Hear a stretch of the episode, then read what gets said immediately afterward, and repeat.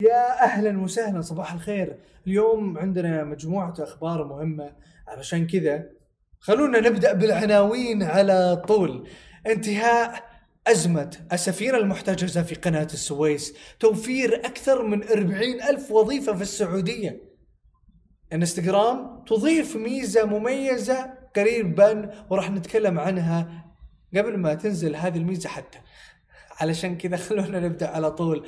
أعلنت هيئة قناة السويس يوم الأحد إلى التوصل إلى اتفاق ينص على الإفراج يوم الأربعاء عن سفينة الحاويات العملاقة ايفر جيفن التي احتجزتها السلطات المصرية بعدما تسببت نهاية شهر مارس الماضي بتعطل الملاحة في القناة إثر جنوحها. وأورد بيان للهيئة أنه تم التوصل إلى اتفاقية تسوية مع شركة شويكسن اليابانية الملكة للسفينة. لافتا أنه احتفالا سيقام الأربعاء لتوقيع الاتفاق ومغادرة السفينة. ما اكتفينا إحنا محتاجين إلى معلومات أكثر ولكن اللي ما نقدر نعرفه إلى الآن هو المبلغ اللي تم اتفاق عليه بشكل حقيقي لهذه التسوية لم يتم إعلان عن قيمة التعويض حتى الآن ولكن الهيئة في وقت سابق أعلنت أنه المبلغ المطلوب للتعويض للأضرار الناتجة عن آه، هذه السفينة اللي عطلت الملاحة 916 مليون دولار. هذا المبلغ اللي طلبته الهيئة في مصر 916 دولار ولكن تم تخفيضه من قبل الهيئة إلى 550 دولار. هذا في وقت سابق. كمان المعلومات اللي إحنا نعرفها بأنه السفينة هذه آه، عطلت الملاحة في قناة السويس لمدة ستة أيام. ولذلك كلفت مصر 12 مليون إلى 15 مليون دولار كخسائر. هذا على مستوى مصر فقط بينما كلفت العالم التجارة العالمية من 6 إلى 10 مليارات دولار.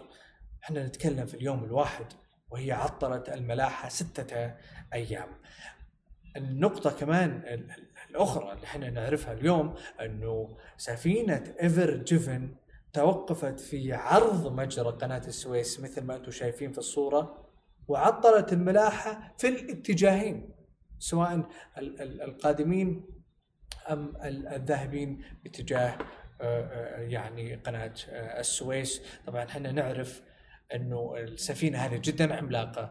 400 متر عرضها 950 متر. اجمالي الحمولة 224 ألف طن. كانت متجهة من الصين إلى آه، روتردام في هولندا. على كل هي أزمة وانحلت الآن بهذه التسوية اللي راح يتم الاحتفال بشأنها يوم الأربعاء. ننتقل إلى الخبر الثاني.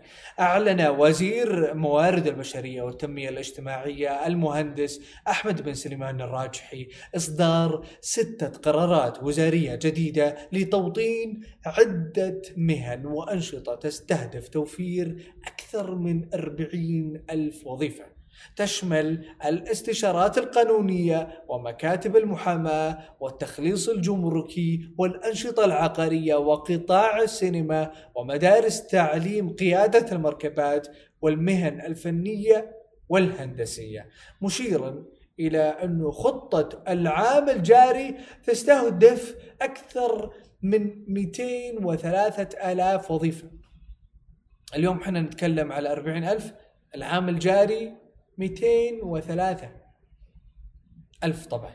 توفير عدد كبير من الوظائف بشأنه أنه يحرك ويدفع من عجلة التنمية بشكل كبير في المملكة العربية السعودية. هذه واحدة من الأشياء المهمة اللي كانت من ضمن رؤية 2030 القضاء على البطالة توفير فرص وظيفية للمواطنين. وتمكينهم بشكل كبير ويعني بلا شك إنه هذا راح يعود بشكل أو آخر للمملكة، هذه ليست الخطوة الأولى اللي تقوم فيها وزارة الموارد والتنمية الاجتماعية، بل هي سلسلة من القرارات اللي بدأت يعني منذ فترة طويلة وهذا القرار جاء ليكمل آه، آه، هذه الرؤية. ننتقل للخبر الثالث يقوم إنستغرام ببناء نسخته الخاصة من ميزة super follow. هذه الميزة موجودة في آه، تويتر. هذه الميزة من شأنها يعني أن تسمح لمنشئي المحتوى عبر الإنترنت بنشر محتوى حصري لقصصهم على إنستغرام لمعجبيهم الذين يمكنهم الوصول إليها عبر دفع اشتراك من نوع ما. هذه الميزة موجودة في تويتر. آه، ميزة حصرية آه، للمحتوى لازم تدفع علشان تتفرج. بينما اليوم إنستغرام بدأت تجرب هذه الميزة حيث تم تداول صور لهذه الميزة عبر الإنترنت بعدما ان شارك مطور البرامج أليساندرو آه، على تويتر أنهم وجدوا مراجع لهذه الميزة في قاعدة بيانات إنستغرام وأكد أن إنستغرام آه، لقطات الشاشة هذه آه، يعني للميزة تم تداولها مؤخرا عبر وسائل التواصل الاجتماعي هي نموذج أولي داخلي قيد التطوير ولكن لم يتم اختباره علنا بعد ورفضت الشركة مشاركة أي تفاصيل محددة حول خططها قائلا إنها ليست في مكان للحديث عن هذا المشروع حتى الآن.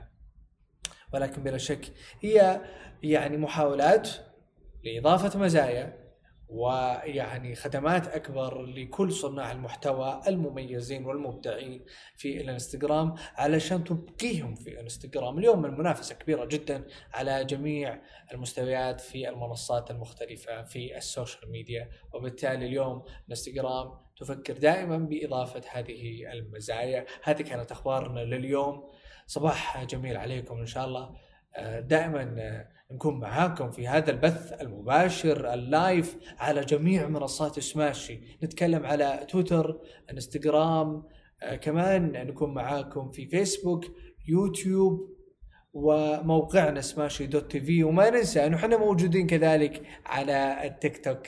نشوفكم على خير إن شاء الله في بث مباشر آخر غدا في نفس الموعد.